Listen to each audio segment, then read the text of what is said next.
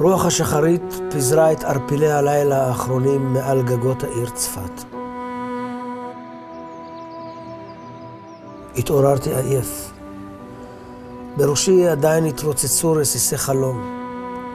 חלום בו אני בונה בית של ממש, לבנה אחר לבנה, מהיסודות ועד לרעפי הגג, במאמץ שחודר מבעד לשר אפי ומתיש את כוחי. רתמתי את חמורי.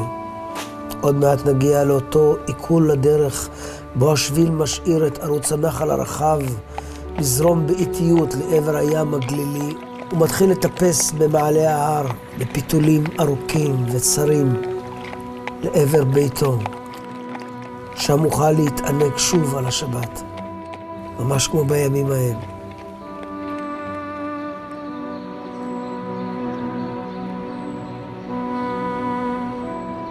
הנה לפניי עץ האלון וגזעו הרחב, שבצילו אמר לי הארי את היום בו תעזוב נשמתו את העולם.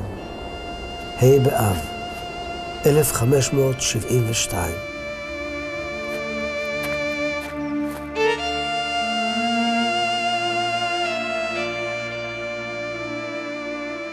מדי יום, בשעת האור האחרונה, היינו יושבים על סלע גדול וחופת העלים מעלינו.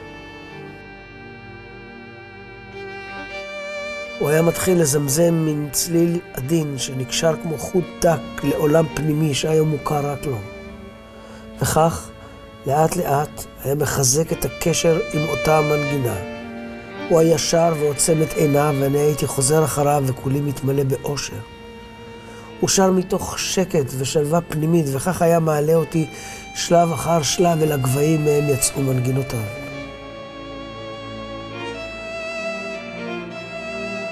מתחתית ההר הפניתי את מבטי למעלה, לעבר אותם ימים מופלאים בחברת הארי. ימים שבאתי לקחתם בשנית והפעם לתמיד. קרן שמש ראשונה הביאה איתה שברי קולות צחוק של ילדים שהתגלגלו כל הדרך במורד ההר ועד אליי. היטב אני זוכר את השיעורים באשמורת הבוקר. איך היה יורד למדרגה הרוחנית שהייתי בה, ולאט לאט מרים אותי מעלה. הוא אסר עליי לספר לאיש על העבודה הרוחנית שלו. הוא אמר, אין לנו זכות לשלול מאדם אחר את הדרך האישית שלו. ברוחניות אין כפייה. כל אחד צריך לגלות את הנתיב שלו לבורא.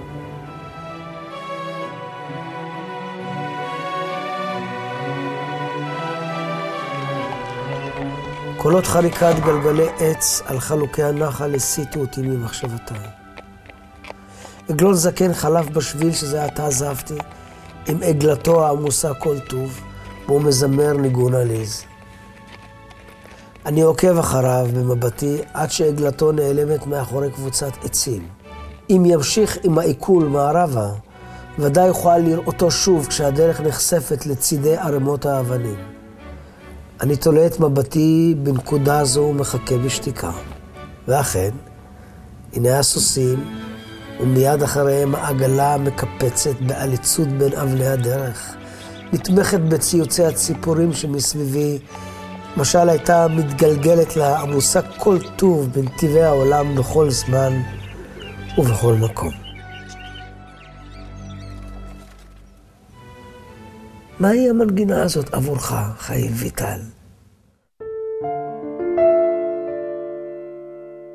האם היא מצליחה לחדור מבעד לסורגי לבך? לא פעם שאל אותי הארי, ואני נשארתי ללא תשובה. הוא היה מהנהן בהבנה. אנו מתקנים את הרגשות שלנו בעזרת חוכמת הקבלה. לכן אין דבר קרוב לנו יותר מאשר מוזיקה. גם היא מדברת בשפה של רגשות. היא המרכבה לחוכמת הנסתר.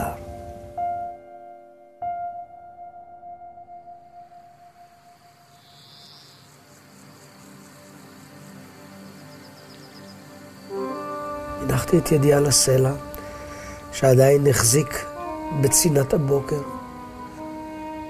אבן גדולה שנשלפה מבין רקבוביות העלים, כצעקה חדה, אילמת, כמו בקשה תמידית היוצאת מבטן האדמה לחלל העולם.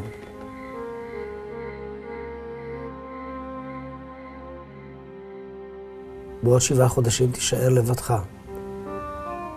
עליך להמשיך את דרכנו בדיוק כפי שלימדתי אותך.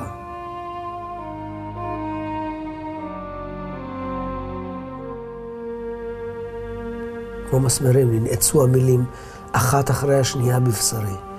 כל כך התרגלתי למורי שלא יכולתי לצייר לעצמי יום אחד בלעדיו. רבי יצחק, אמרתי לו, איך אוכל להמשיך מבלי לראות את פניך? מבלי לשמוע את קולך? העולם הרי כל כך זקוק לך.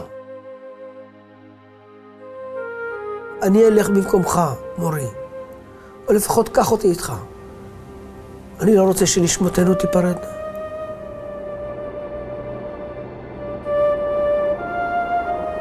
הרגשות הובילו אותי, פרצתי בבכי, ירדתי על ברכיי, ביקשתי שירחם עליי, על כולנו, שאותנו הוא עוזב.